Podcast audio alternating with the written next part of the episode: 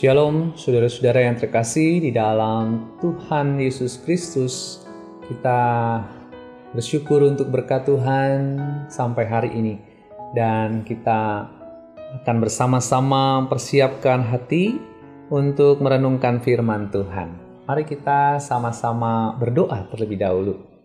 Ya Allah, kami sungguh bersyukur untuk hari ini berkat yang kau berikan, kehidupan yang kau berikan, yang dapat kami jalani hanya karena anugerah Tuhan semata.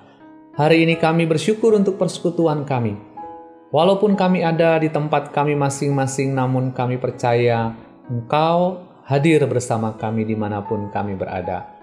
Biarlah Roh Kudus menolong kami untuk dapat mengerti dan memahami kebenaran firman Tuhan. Kami menyerahkan persekutuan kami, perenungan kami pada saat ini hanya di dalam nama Tuhan Yesus Kristus. Amin. Ya, saudara-saudara, kita bersama akan merenungkan Mazmur 121 ayat yang pertama sampai ayat ke-8. Mazmur 121 ayat 1 sampai ayat yang ke-8. Judulnya adalah Tuhan Penjaga Israel, nyanyian ziarah. Aku melayangkan mataku ke gunung-gunung, dari manakah akan datang pertolonganku? Pertolonganku ialah dari Tuhan yang menjadikan langit dan bumi. Ia takkan membiarkan kakimu goyah, penjagamu tidak akan terlelap. Sesungguhnya tidak terlelap dan tidak tertidur penjaga Israel. Tuhanlah penjagamu, Tuhanlah naunganmu di sebelah tangan kananmu.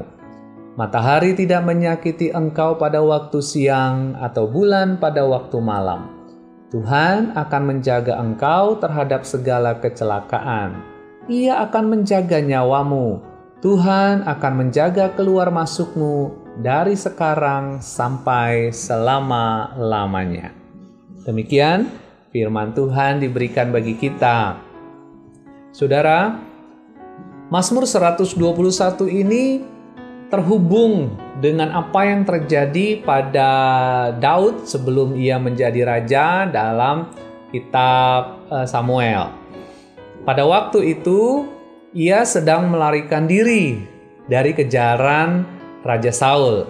Ia mau dibunuh karena Saul uh, menyimpan kebencian, kemarahan kepada Daud, seolah-olah dia sudah sangat memahami ini ancaman terhadap jabatannya sebagai raja.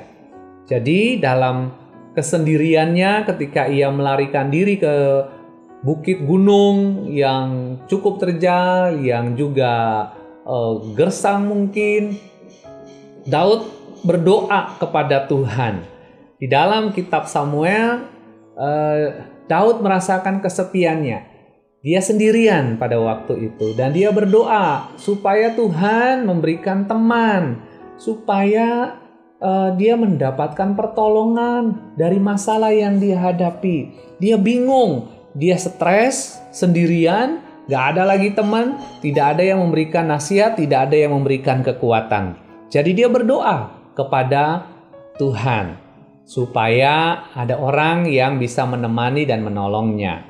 Nah, rupanya Tuhan menjawab doa Daud.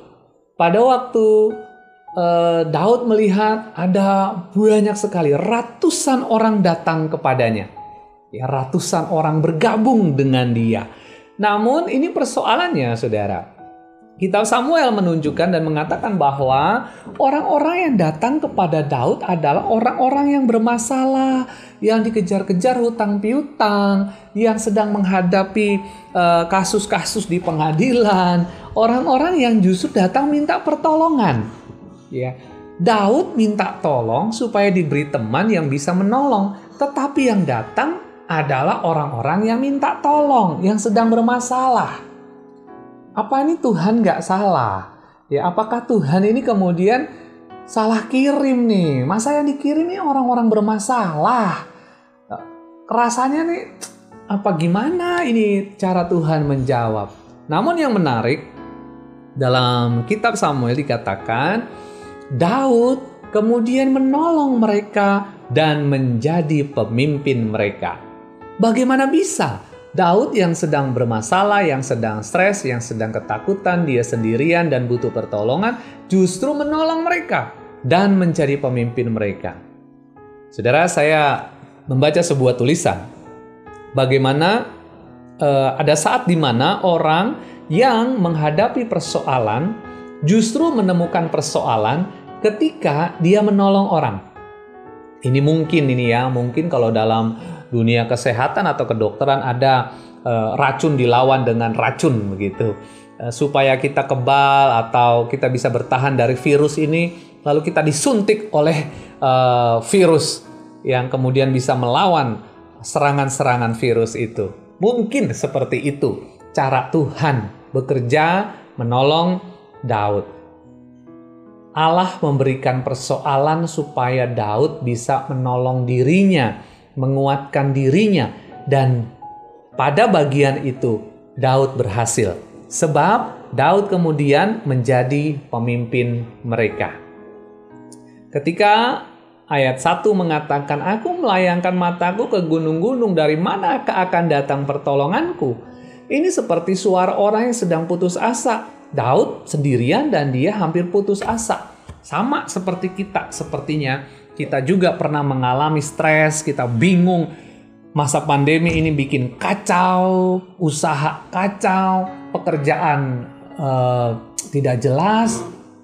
Kita bingung harus gimana dan kita berdoa sama Tuhan, memohon pertolongan dari Tuhan. Dan ayat yang kedua menjadi sebuah pernyataan iman dari Daud. Pertolonganku ialah dari Tuhan yang menjadikan langit dan bumi. Ya, Daud merasakan bahwa Allah itu menolong dia, memberikan jalan keluar. Caranya bagaimana? Itu terserah Tuhan.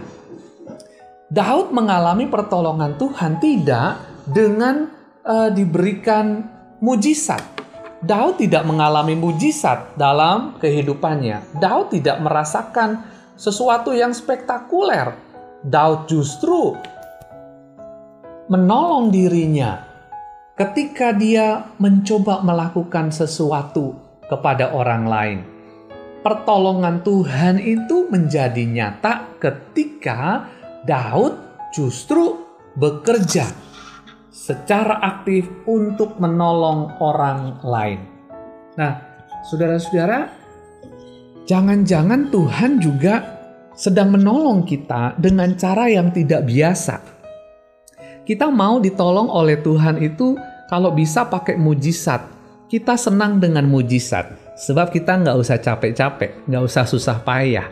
Kita senang kalau Tuhan itu melakukan sesuatu yang spektakuler, simsalabim selesai semua masalah. Itu menyenangkan. Karena kita berpikir bahwa kita ini anak kesayangan Tuhan nih. Ini hebat sekali, kita dapat mujizat. Kalau bisa bikin mujizat, kenapa sih Tuhan nggak bikin mujizat aja terus-menerus begitu ya? Kita senang tuh sesuatu yang spektakuler. Tetapi Tuhan tidak selalu bekerja dengan mujizat. Ada saatnya dia membiarkan kita untuk bekerja ada saatnya dia uh, Tuhan itu bekerja dan diam-diam tanpa berasa. Kadang Tuhan memakai orang lain juga dan kita sering kali menjadi bingung. Nah, Saudara, kalau kita menanti pertolongan Tuhan, apa yang harus kita pahami? Yang pertama, kita harus yakin dulu bahwa Tuhan akan menolong. Kalau kita udah nggak yakin, ya percuma kalau kita mau beli sebuah barang, kita nggak yakin dengan barang itu kan kita nggak beli. Kita juga nggak mau pakai. Kalau kita tidak yakin dengan seseorang ya kita juga nggak mau bergaul dengan dia, nggak mau deket dengan dia. Yang pertama ya harus uh, yakin dulu bahwa Allah akan menolong. Itu pernyataan dari uh, Daud di dalam Mazmur 121 ini. Ia takkan membiarkan kakimu goyah penjagamu tidak akan terlelap. Yakinlah bahwa Tuhan itu mendengar, bahwa Tuhan tidak tinggal diam, bahwa Tuhan itu bekerja. Kalau kita tidak yakin dengan Tuhan percuma, kita tidak akan mampu merasakan anugerah dan rahmat bahkan pertolongan dari Tuhan. Uh, yang kedua adalah suatu keyakinan bahwa Tuhan itu akan bekerja dengan caranya, bukan dengan cara kita, bukan sesuai keinginan kita, tidak selalu dengan apa yang kita pikirkan. Ada banyak hal Tuhan itu kerjakan, bahkan ada saat ketika kita merasa itu gagal, kita kecewa, ternyata itu pertolongan Tuhan. Ya, saya uh, atau kita mungkin mendengar banyak sekali kesaksian-kesaksian ketika uh, mungkin uh, dia mengalami sesuatu yang tidak menyenangkan, eh ternyata itu cara kerja Tuhan gitu ya. dalam sebuah cerita yang sudah sangat lama sekali, ya singkatnya begitu, seorang seorang tua ini hidup dalam situasi perang sehingga pemerintah pada waktu itu mewajibkan semua anak-anak muda yang kuat wajib militer untuk berperang. Dan dalam situasi perang banyak anak muda ini tidak pernah kembali.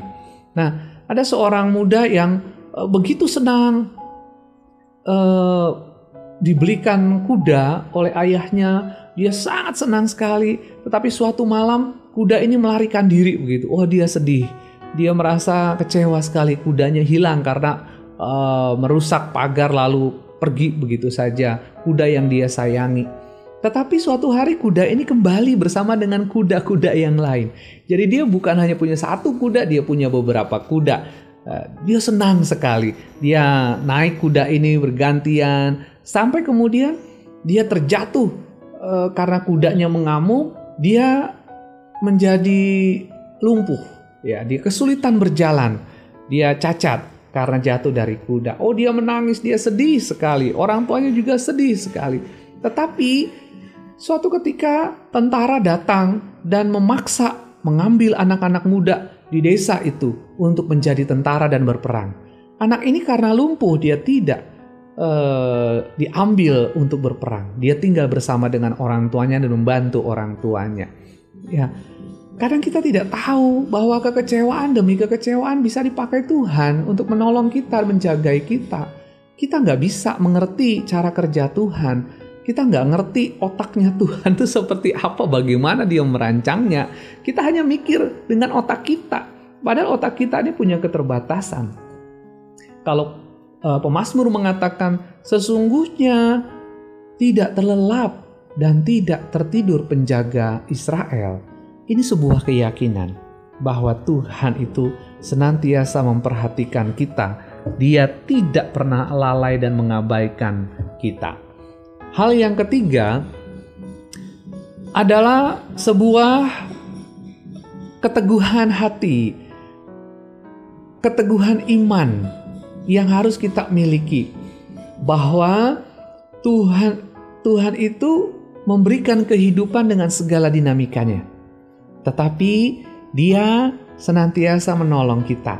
Dia yang akan beserta dengan kita. Namun, namun diingatkan kepada kita bahwa penyertaan dan penjagaan Tuhan itu baru kita rasakan ketika kita ada bersama dengan Tuhan. Ayat 7 mengatakan, Tuhan akan menjaga engkau terhadap segala kecelakaan, Ia akan menjaga nyawamu. Ketika Tuhan akan menjaga engkau, kata "menjaga" ini menunjuk kepada adanya kebersamaan, ada di sisi kita, tetapi kita tidak akan bisa dijaga oleh Tuhan kalau kita melarikan diri atau mencari penjaga yang lain. Kita tidak sabar dan tidak senang dengan cara Tuhan, lalu kita cari jalan sendiri. Ya, dengan berbagai macam dunia ini banyak sekali menawarkan kuasa-kuasa lain, kuasa kegelapan. Sampai hari ini yang namanya dukun-dukun, jimat-jimat masih ada. Ya kalau kita mencari kuasa lain, kita mencari kekuatan lain, mencari penjaga lain, ya jangan harap Tuhan itu akan datang menjaga kita walaupun kita rajin datang ke gereja, rajin datang persekutuan, mendengarkan uh, firman Tuhan.